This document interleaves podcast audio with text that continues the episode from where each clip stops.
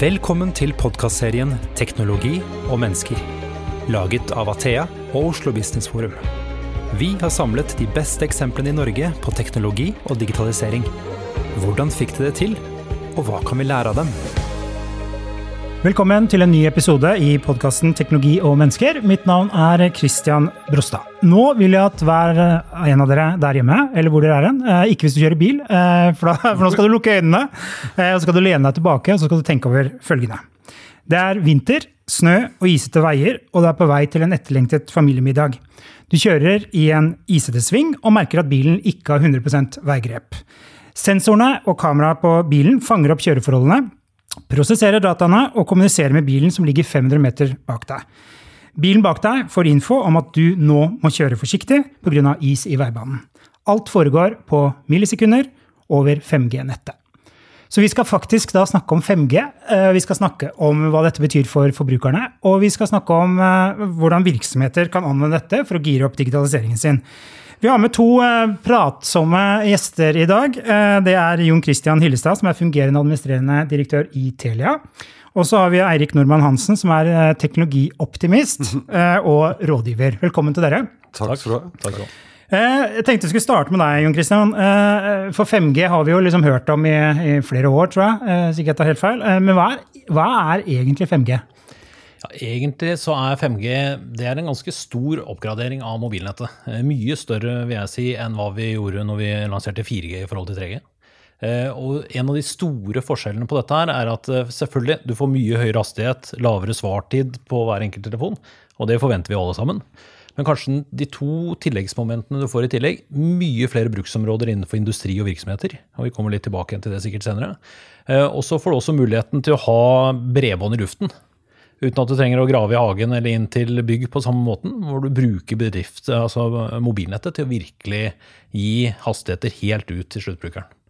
Men dette, blir, dette er som en gigantisk oppgradering av Hvis du ser på iPhone-oppgraderinger. Dette er en av de virkelig virkelig store, for å si sånn, om ikke det er ny telefon.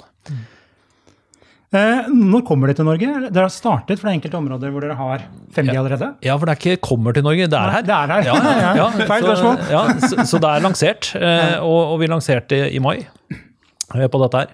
Eh, Og, og det var eh, Lillestrøm som var eh, første startskuddet for oss. Eh, Og så har vi bygget oss nedover. Eh, Så eh, nå syns jo ikke mobilsignaler sånn i det vanlige, så, men, men det er i Oslo f.eks. Eh, Så har man en 5G-telefon, så ser man det i Oslo. Eh, Vi har lansert i Trondheim, eh, så der er det. Eh, Og vi er i ferd med å bygge i andre store byer også, sånn som Bergen. Eh, Og så er det en liten viktig ting også, jeg vet ikke om dere fikk med dere, men vi sender ut hver måned hva slags telefoner selges. Mm. Og nå var nesten halvparten av topp 10-listen nå er 5G-telefoner.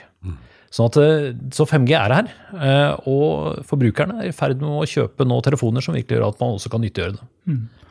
Har du 5G-telefon, eller Erik? Nei, det har jeg ikke. eh, Fordi det er nå vel forventet at den neste iPhonen, som eh, kommer nå, rett rundt hjørnet, skal ha det. Og da må jeg jo bytte telefon. På grunn av det. Nei da. Det er jo Jeg må ha litt andre Ja, for, man må, for det er jo ikke alle telefoner. Det sitter jo sikkert eh, millioner av nordmenn som har en telefon som ikke funker. da. Ja, så, Eller han vil jo så funke, men ikke ille- på 5G-nettet. Så ille er det jo ikke. Eh, Det, det vi gjør, er at vi bytter jo hele mobilnettet. Mm. Sånn at det er ikke bare 5G som blir nytt. Vi får faktisk ny 4G òg. Ja. Så, så på veien her så kommer man faktisk til å oppleve ganske stort løft, også de som ikke har 5G-telefon.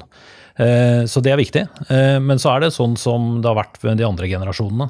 Eh, Du må ha ny telefon for å klare å ta i bruk den funksjonaliteten. Det må du. Mm. Hvor sikkert er det? Altså, Sikkerhet er jo Vi har jo ekstremt mye sensitiv informasjon i mobilnett i dag. Eh, og med 5G så åpner vi egentlig muligheten for å ha enda mer av det samme. Mm. og det at vi nå bruker mobilnett inn i virksomheter, inn på sykehus f.eks., inn i kollektivtransport osv., gjør at det stiller enda større krav til sikkerhet. Så hele bransjen jobber for at dette skal være så sikkert som mulig, eh, og det er noe vi kontinuerlig kommer til å gjøre. Og så er jo ikke 5G en norsk oppfinnelse, selv om vi kanskje skulle ønske det. Så er det jo en global eh, oppfinnelse som man har jobbet med i mange mange år, også fordi at det skal være sikkert nok. Så, så sikkerhet er absolutt en av topprioritetene. Eh, når, I researchen her, da, så jeg visste jo ikke at det var eh, Det er jo jeg, si, jeg vet ikke hvilke ord jeg skal bruke, mye rare folk, da. Eh, og eh, hvis eh, du går på en del Facebook-sider, så er det jo titusener som er medlem i sånne konspirasjonsteori-grupper. Grupper, ja. Hvor de tror at det tar liv, og du dør av 5G osv. Det sprer jo koronaviruset. Ja, sprer korona, liksom. Hva, hvorfor får vi det? Jeg vet, altså det er jo litt fascinerende. Jeg tror det der bare er en sånn iboende frykt for nye ting. Ja. For man har vel vært igjennom det både med 3G og 4G og nå med 5G. Og det kommer ny teknologi, og det stråler, og det overvåker oss, og det påvirker oss på alle mulige måter. Og det gjør jo ikke det. Eh, Så, så hvor det kommer fra, er ikke godt å si, men, men eh, det er vel også en bakdel ved internett. Da, at det dukker opp eh, rare synspunkter som ikke nødvendigvis har den store sannhetsgehalten. Nei, vi ble jo litt overrasket når vi plutselig fikk skyld for hele koronaen. Ja, ja, jeg må det si det.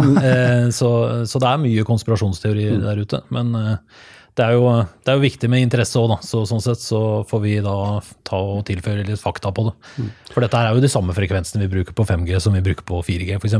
Så sånn sett så er det jo ikke noe nytt sånn strålingsmessig, f.eks. Ja, men For det, det blir jo problem. Så I England var det jo kjempeproblem med sånn reaksjonsgruppe som løp rundt og brant opp og rev ned og, altså nye 5G-basestasjoner. Da da ble, går det litt trått å bygge ut.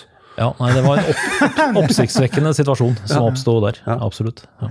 Vi har ikke hatt noe av det i Norge. Nei, det har vi ikke hatt. Det, det er bra. Eh, vi, vi, eh, utbygging av 5G er også sterkt kobla til Kina.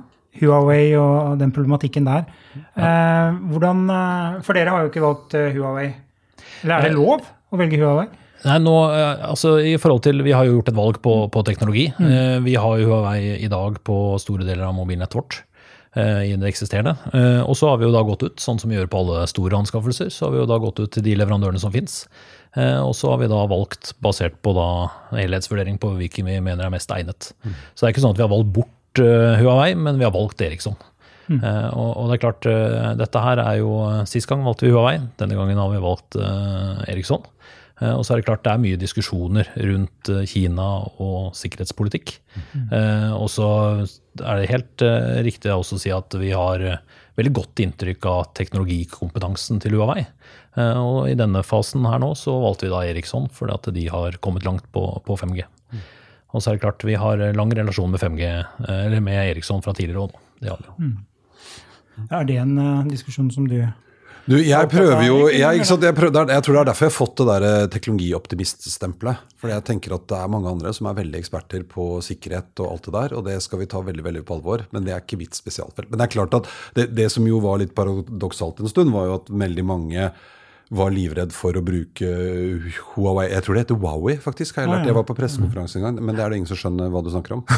Vi sier jo feil på norsk. Ja. Men, eh, og man hang seg opp i telefonen. Ikke sant? Man må ikke bruke sånn telefon, mens hele infrastrukturen er jo veldig ofte da, eh, bestående av komponenter fra den samme produsenten. Så akkurat hvilket merke det er på den håndholdte dingsen din, har liksom ikke så mye å si. For det er mye likevel. Men jeg tror det skal tas på alvor. Og det har jo jobbet mye, både altså på, det på nasjonalt nivå, og staten har vært inne, og man stiller krav til eh, myndighetene seg imellom og sånn, for at dette skal være så trygt som mulig. Da. For vi, selv om Eriksson også er flinke, så klarer vi ikke å levere nok til hele verden. For det er jo litt av pointet her. Ja, ja, at Vi skal jo opp på 5G. Det er ikke bare en sånn ting vi driver med her fordi det skal gå litt uh, fortere når uh, jeg skal streame litt film. Uh, det er jo en mye mye større og mer omfattende oppgradering enn det som du var inne på i stad. Det er liksom en helt ny ting. Ja, og et av eksemplene på bruksområder. da, Altså, vi ser jo nå på hvordan man kan bruke disse mobilnettene til, nødnett. Mm. så man ser jo for seg det, å å flytte nødnettene inn i de kommersielle mobilnettene. Eh, så det er klart da er myndighetene veldig interessert i hvordan vi kan ivareta sikkerheten best mulig. Ja, ja. Ja, for jeg tror det jo, Når det kommer nye sånne ting, så har det jo alltid, blir det veldig fokus på hastighet, f.eks. Og det er kjempefint. Jeg fant en oversikt, jeg tror det var Wall Street Journal jeg, som lagde en slags simulator. Så du kunne gå inn og se hvor lang tid du ville bruke på å laste ned en hel film. Det var Bird Box, den filmen på Netflix de brukte som eksempel. Og via da 5G-nettet så gikk det på 3,7 sekunder. Og det er kjempefort. Men så er jo liksom litt av poenget at det er kanskje ikke det som er så viktig. fordi at jeg trenger ikke å laste ned nødvendigvis når jeg har 5G. Og når jeg har 5G overalt, og det er hjemme og på jobben og i bilen min, og uansett hvor jeg beveger meg, så, så blir jo liksom hele verden, hele skya, hele internett det er jo min lekeplass. Som gjør at vi kanskje til og med kan oppleve å få litt rimeligere devices. Jeg trenger ikke en device med, med Det er ganske stor prisforskjell på den iPhone med størst lagringskapasitet og den med minst. Mm. Eh, altså Man får en del sånne effekter. Eh, du var jo inne på det i stad, altså innenfor industri og sånn, så er, kommer det til å bli en revolusjon. Absolutt. Det er kjempegøy. Det er masse muligheter, og så ser vi jo ikke helt disse bruksområdene allerede nå. Eh, men eh, når vi lanserte 4G, eh, da var vi jo først i verden. Det er kanskje ikke så mange som har fått med seg, men Norge og Telia var først i verden med å lansere 4G. Eh, og så kommer journalist bort til meg og sier men hva trenger jeg den hastigheten til? Mm. Og akkurat idet vi lanserte, så stilte jo folk berettiget det spørsmålet. Mm. Eh, samme journalisten stilte samme spørsmålet nå, med 5G. Så jeg måtte jo minne ham på at han stilte det da når vi lanserte 4G. Så, så vi, vi, adopterer jo på en måte mulighetene, og mm. griper mulighetene. Og det er jo det jeg syns er veldig spennende med 5G. Ja. og så En annen ting som jeg også syns er gøy med det, som kanskje ikke så mange vet, er jo at på, i 5G-nettet så har du ikke forsinkelse på samme måte. Latency, som det heter på fancy dataspråk. Ja. Som betyr at hvis jeg skal fjernstyre en bil, f.eks., via telenettet, så kan det godt hende at 4G-hastigheten egentlig er rask nok. Det er bare det at hvis den bilen kjører i 50 km i timen, og når jeg svinger til høyre, så tar det fire sekunder før bilen svinger til høyre. Mm. Og det er litt dumt. Ja. Mens i 5G-nettet så, så, vil det skje nærmest eh, instant. da. Absolutt. Og, og der, allerede nå så finnes det jo gode eksempler på dette. her. Mm. Så eh, vi, vi, I Sverige jobber vi med selskaper som driver med gruvedrift. Eh, og de driver med fjernstyrte, ikke biler, da, men anleggsmaskiner. Mm. Så de sitter oppe på bakken, styrer disse anleggsmaskinene. Og det har to veldig klare fordeler. Det ene er jo at du da slipper å på en måte ha risikoen med å befinne deg inn i fjellet. Det er liksom den ene biten. Men det andre er at når de sprenger, så tar det veldig lang tid før mannskap egentlig kan gå inn i tunnelen pga. gasser og sånne ting. Mens eh, disse anleggsmaskinene som er fjernstyrt, de tar jo ikke de hensynene. Så du kan begynne mye raskere, så du får mye høyere effektivitet. Mm. Men det krever at du må kunne stole på det. Du må ha helt instant helt, ja. for at du skal kunne klare å faktisk operere en gigantisk anleggsmaskin inn i fjellet. Mm.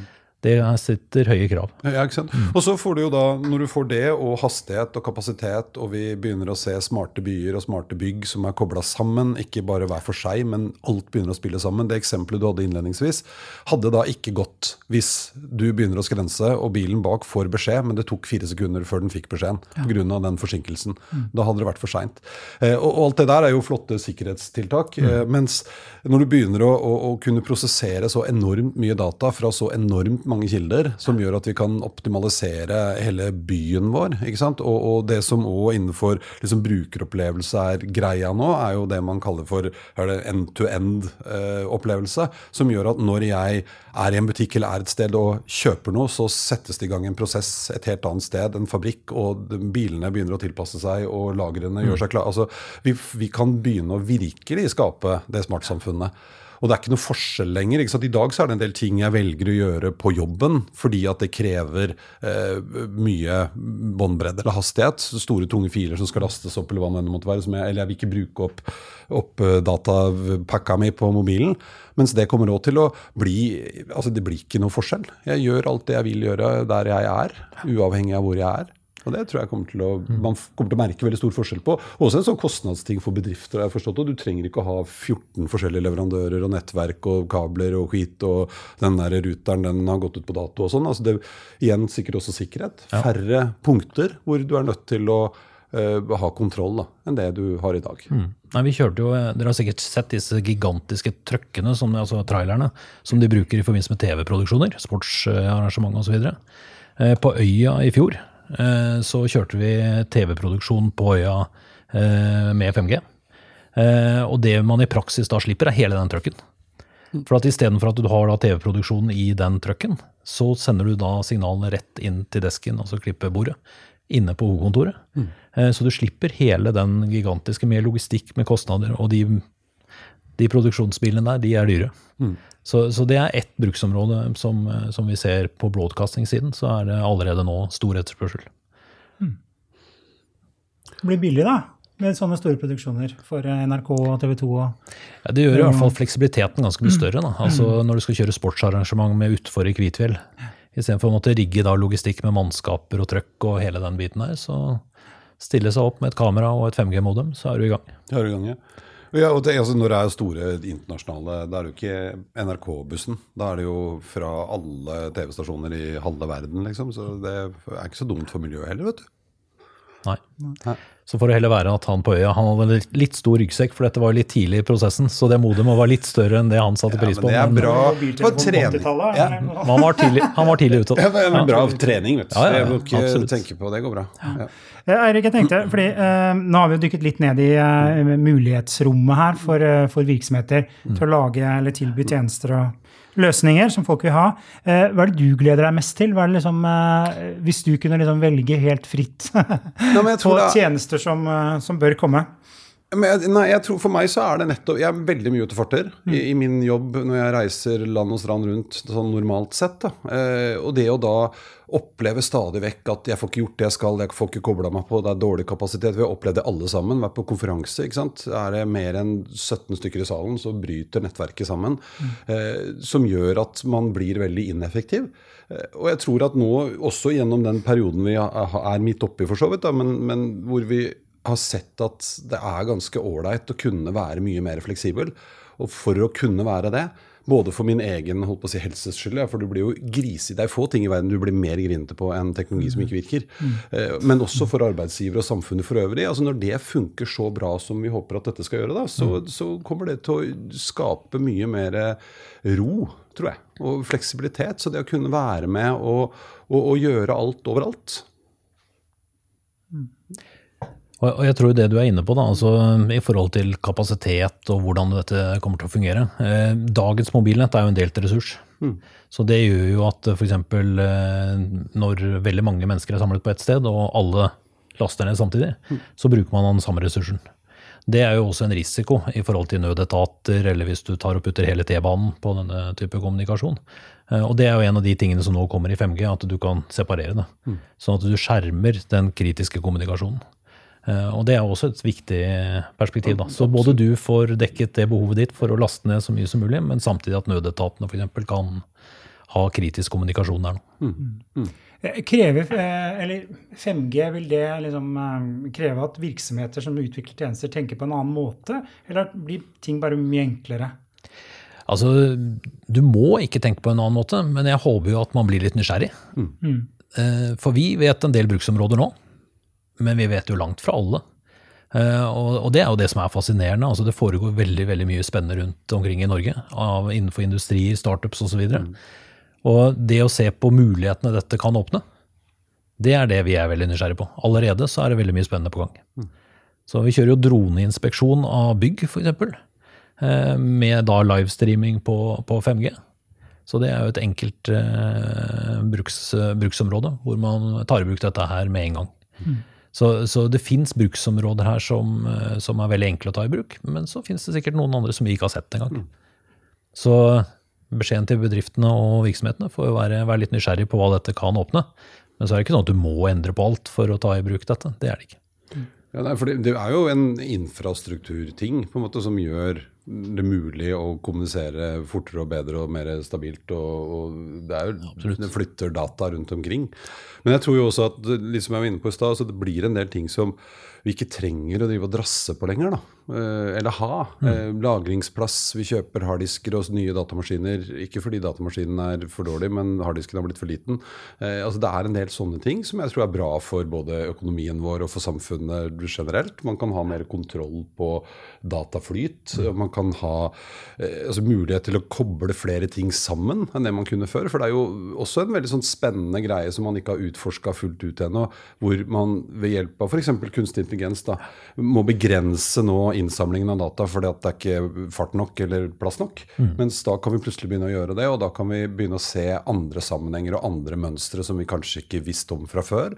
Eh, og det har man jo begynt å se fremveksten av nå i forbindelse med virussituasjonen, da, hvor man bruker data fra flyplasser og fra forskjellige lokasjoner for å se hvordan ting sprer seg. Hva skal vi gjøre da? Ikke, sant? ikke få sånne sjokknedstengninger, men vi kan rute om trafikken litt, og vi kan stenge litt her og slusse ut der, og, og uh, ha mer eh, kontroll, et mer dynamisk styrt uh, samfunn, holdt jeg på å si. Det Hørtes litt kontrollert ut, kjente jeg nå, men, eh, ja. litt, men det må vi tåle. Ja.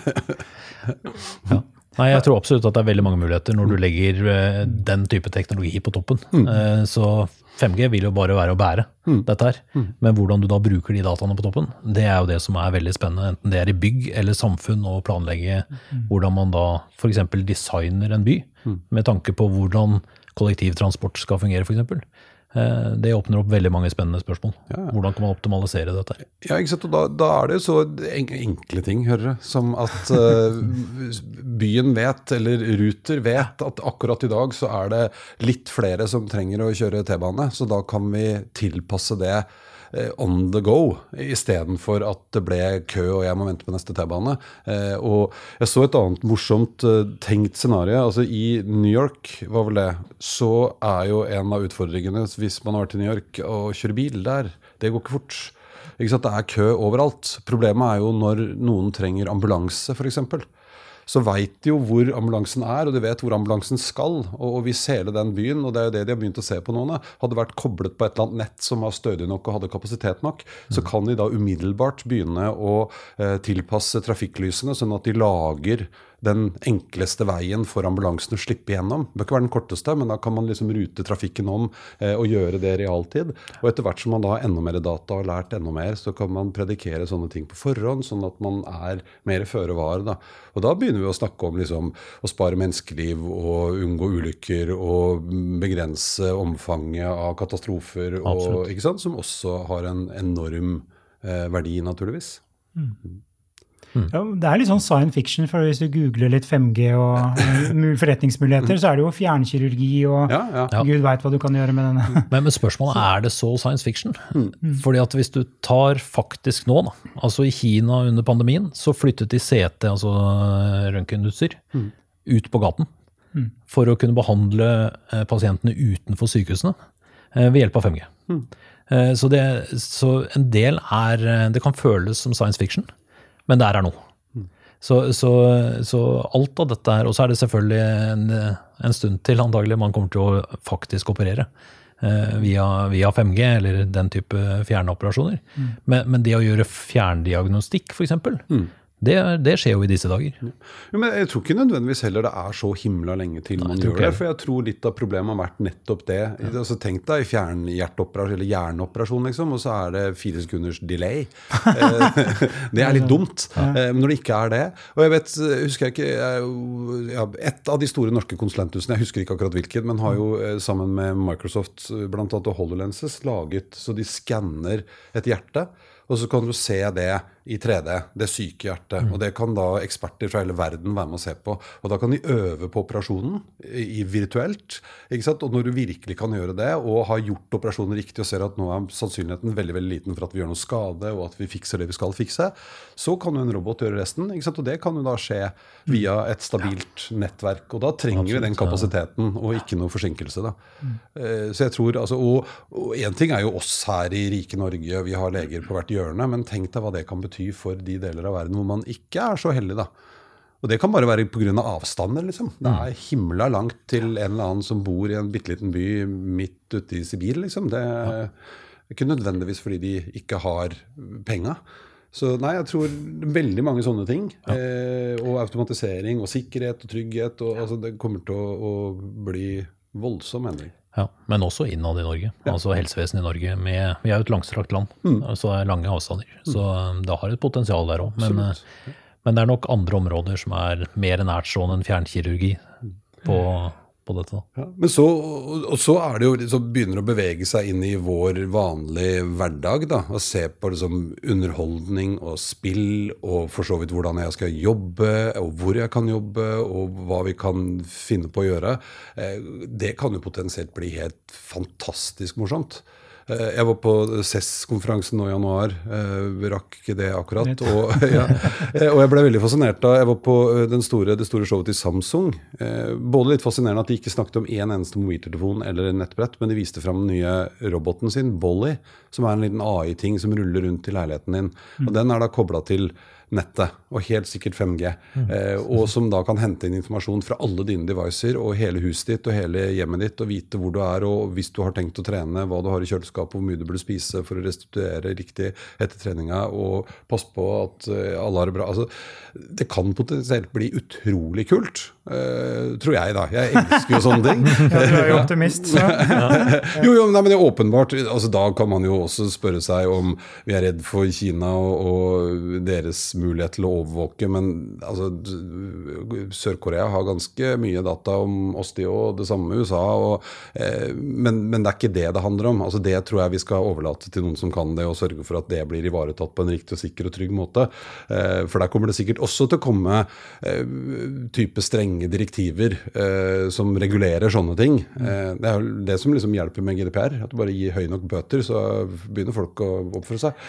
Ja, men så er det også det er bra vi får en bevissthet Ja, rundt det, jeg dette her. Altså, det er veldig veldig mye data som man eh, ivaretar. Ja. eh, Ulike aktører. Absolutt. Eh, Og noen aktører er jo kjente, altså store aktører som forvalter eh, store kjente interesser. Men så har du alt fra disse appene som alle driver og laster ned på telefonen. Ja. Så, så er det klart, i visse kontekster så representerer vel det antagelig en større risiko Ja, ja. enn en det en infrastruktur som et mobilnett eller Ja, noe annet representerer. nå. Ja.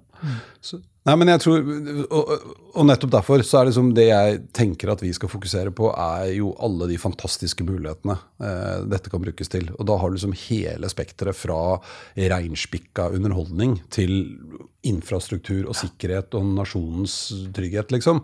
Eh, og mellom der er det ganske mye. Når vi kan begynne å optimalisere alt det eh, Vi har jo en jobb å gjøre fremover. Det er mye som skal ryddes opp i. Eh, Det der viruskjøret kom bare på toppen av masse andre utfordringer vi har klart å pådra oss. Og, og jeg tror de aller fleste er enige etter hvert at for å løse alle de utfordringene vi står overfor, så kommer teknologi til å være helt avgjørende. Mm. og da trenger vi kapasitet og hastighet og, og sikkerhet også. Så det tror jeg kommer til å og, ikke sant, At det fungerer på tvers av alt. Det blir bra. Ja. ja, men jeg synes jo, i det øyeblikket vi gikk inn i denne pandemien, altså hvor raskt nasjonen Norge klarte å omstille seg. Jeg synes det var helt herlig, en, en av våre kunder, et av forlagene, eh, hun som sitter og håndterer sentralbordet, la ut på Facebook at eh, vel, nå har vi tatt hjemmekontor, men jeg er oppe som normalt fra åtte til fire, og så var det bilde av da PC-en på kjøkkenbenken hjemme. Og hun har tatt med seg hele sentralbordet, hun, og det var ikke noe forskjell. Når de ringte til forlaget, ja, hun håndterte det på samme måten som før. En liten greie, men allikevel et bevis på liksom, når man er såpass moderne som nasjon på teknologi, så fikser vi sånt. Fikser, ja. Så det er et godt lite eksempel på Ja. Jeg tror jo at jeg har liksom, Ikke jeg, men man har vel observert en slags sånn trestegsrakett vi har vært igjennom nå fra det stengte ned. Det første var den der sjokkdigitaliseringen av hele Norge. Altså Selv mutter'n kan nå navnet på en fem forskjellige videoplattformer. Hun aner ikke forskjellen på dem, men hun kan dem, og de funker, og det er ikke noe problem. Og alle husker jo det. ikke sant? I januar og februar så var videokonferanse en ting for de fleste. Da ble du kalt inn spesielt, og det var et voldsomt styr. Eh, men så nå kan alle det. Eh, og så begynner vi å bruke nye løsninger, eksperimentere litt. Vi har utfordringer å løse. ikke sant? Hun tar med seg hele sentralbordet hjem på kjøkkenbenken. Det funker fint. Jeg skal ha kundemøte. Da trenger jeg noen digitale whiteboards og noen greier. Det fikser jeg. Vi får det til. Mange foretrekker ofte den måten å jobbe på. Jeg tror at vi som mennesker eh, står nå overfor helt andre muligheter i i form av hva vi prioriterer. Ikke sant? Vi har alle lyst til å komme tilbake inn og møte hverandre. Det er superhyggelig, men det kan godt hende jeg velger å dra i de møtene hvor ikke sant? Det er lenge siden jeg har truffet deg, så da velger jeg heller det møtet fordi at det er litt hyggelig. Og så tar jeg det forhandlingsmøtet og det statusmøtet, det kan jeg ta på nettet. Eh, og nå er det jo faktisk litt sånn at det kan være at du må liksom komme deg inn i et bygg og få et noenlunde stabilt eh, wifi for å få gjort litt ordentlige ting. Ikke bare ha en sånn FaceTime-telefonsamtale. Eh, men det slipper man jo da. Ikke sant? For da, da er enda større fleksibilitet, eh, fleksibilitet.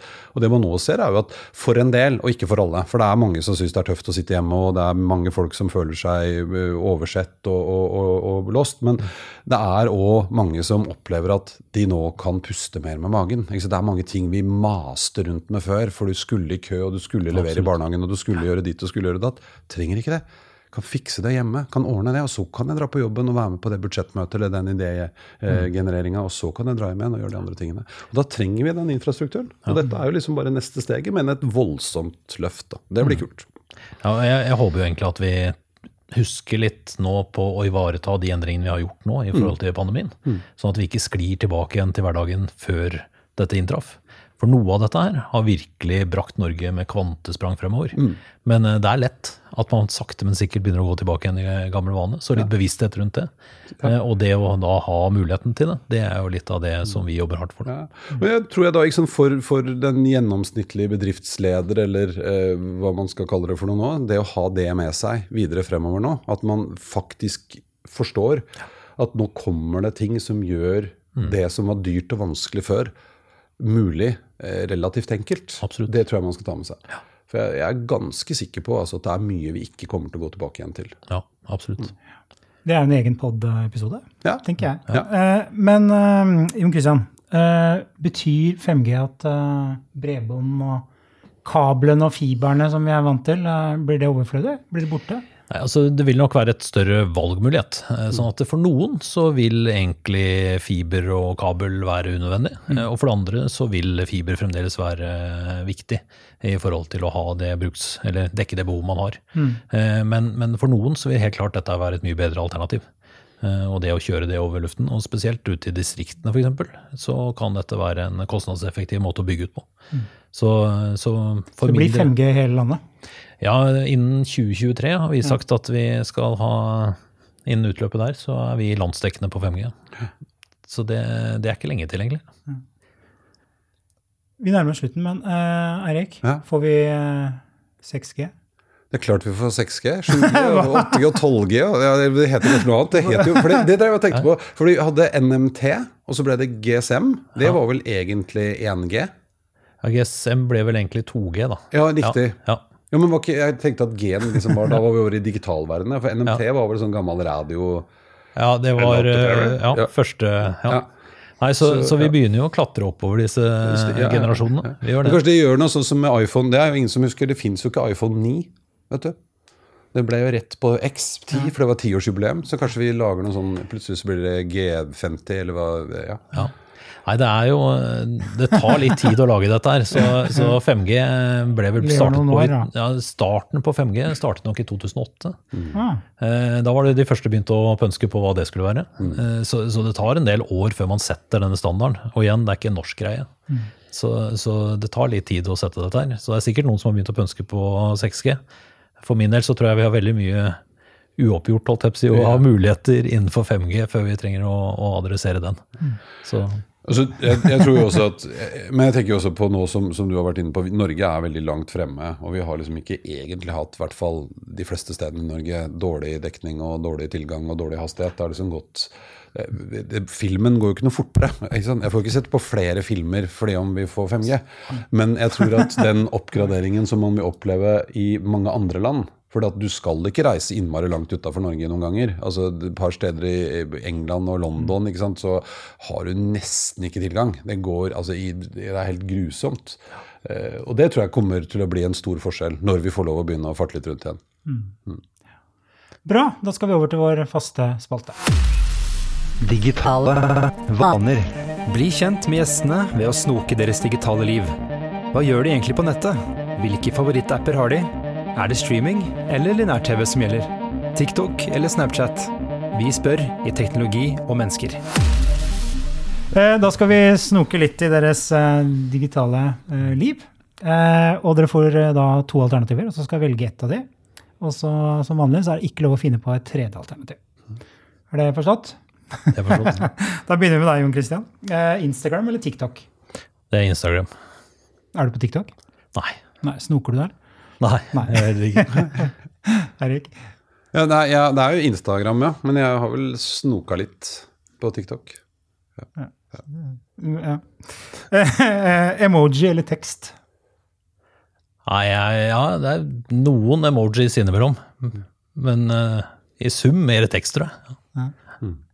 Ja, nei, mer tekst, men jeg eh, er jo det, altså emojis selv om jeg liksom later som jeg er veldig bevandret i denne digitale verden, det er jo et minefelt. Ikke sant? Vi som er litt grå i håret, vi skjønner jo ikke meter. Jeg var på et foredrag i går, veldig gøy. Da hun hadde sendt uh, fersken av en eller annen grunn til eh, alle sine ansatte. Og det betyr jo fin rumpe. Ikke sant? Sånn at eh, det her må man passe på. Det betyr ting, så vær litt forsiktig. Ja. Godt råd der. Ja, det var godt råd. Ja. Eh, hjemmekontor eller kontoret på jobben? Nei, jeg må si eh, jeg trivdes veldig bra å komme tilbake igjen på kontoret. Det ga litt mer energi. eh, Men det er klart, på sett og vis, jeg fikk jo gjort mer da, sånn i løpet av en arbeidsdag. Mm. Når du sitter hjemme? Ja, jeg må si det. Jeg er jo bare meg i mitt lille selskap. Jeg har kontor, så jeg har vært der. Og det er et veldig koselig kontor. Det kalles nå Grotten, hørte jeg. Ja, Grotten. Det er jo et slags kontor hjemme. Ja, ja, ikke sant? Så jeg liker meg der, jeg. Ja. Ja, det er bra. Ja. tredje siste, ringe eller sende meldinger? Nei, vet du hva, jeg ringer overraskende mye fremdeles. Jeg gjør det. Ja, jeg, meldinger. Meldinger, ja. Ja, I bøtter og spann. Ringer vi mer nå? Eh, Nei, vi, vi gjør vel eh, ja, noe, men ikke, ikke vesentlig. Nei. Så Vi, vi zooma jo i hytte. altså Plutselig hadde jeg et Zoom-møte med et annen jeg ikke hadde sett på 100 år, bare fordi det gikk an. liksom. Så vi, men det gikk jo over etter hvert. Ja. Jeg tror vi ringer litt lenger. Jeg mener, husker det i statistikken. Ja. Samtalen er lengre enn hva de var før. ja. Ja. Ja, det er bra. Eh, jeg ringte jo folk jeg ikke hadde snakket med på flere måneder. ja. Tok opp telefonen og så nummeret, og de fikk jo slag, nesten. Når jeg ringte. Jo, det, det er ganske rart, for sånn var det ikke før. Altså, selv om det var veldig alvorlig når noen ringte. Det var jo sånn Hansen er så god sto og snakket i telefonen og sånn, men, men det var jo hyggelig at folk ringte. Men hvis noen ringer nå som du ikke har snakket med på kjempelenge, så tror du at det er noen som er død, eller at det er noe feil. Hva er det? Ja. Nei, jeg skal bare si hei. Hæ? Eh, det siste, lineær-TV eller streaming? Ja, vet du hva, det er klart streaming. Har du noen favorittserier eller programmer du ser? Nei, det er, eh, det er mye ulike varianter på Netflix det går i. Men eh, det er ikke noen favorittserie akkurat nå. Det har gått, eh, ja. Eirik? Nei, streaming by far. Eh, og favorittserier er vel eh, Nå prøvde jeg å komme desperat på Jo, jeg så akkurat en fantastisk eh, sånn Hva heter det for noe? Sånn dokudrama eh, på Netflix som heter Mars. Mars? Ja, det er, seks, nei, det er to sesonger. Fantastisk. Og den spiller på liksom, Du er nå i nåtiden, eh, og da er det intervjuet med Musk og alle de som snakker om hvordan de skal komme til Mars. Og så hopper du fram til 2029, eller når det er, hvor de faktisk reiser til Mars. Mm. Med den teknologien og de tingene. Og er, den er utrolig kult laget. Og, og litt lærerik i tillegg, da. Det er veldig gøy. Kult. Siste, eh, radio eller, eller podkast? Nei, Da er vel det ærlige svaret er mye radio i bilen på morgenen. Det er det. Får starte litt med podkast etter i dag. Ja, nå må du, altså. Nei, Jeg hører nok mer på podkast, men jeg også hører alltid på radio. Jeg er sånn skap-P3-lytter i bilen. Ja. Ja. Men ellers er det podkast. Bra. Eh, Eirik, Jon Christian, tusen takk for at dere kunne komme. Og tusen takk til deg som har lyttet på. Og et godt tips, vær nysgjerrig på hva 5G kan gjøre. Du har nå lyttet til Teknologi og mennesker, laget av Athea og Oslo Business Forum. Liker du podkasten, setter vi stor pris på om du gir oss noen stjerner. Og tips gjerne en venn om podkasten.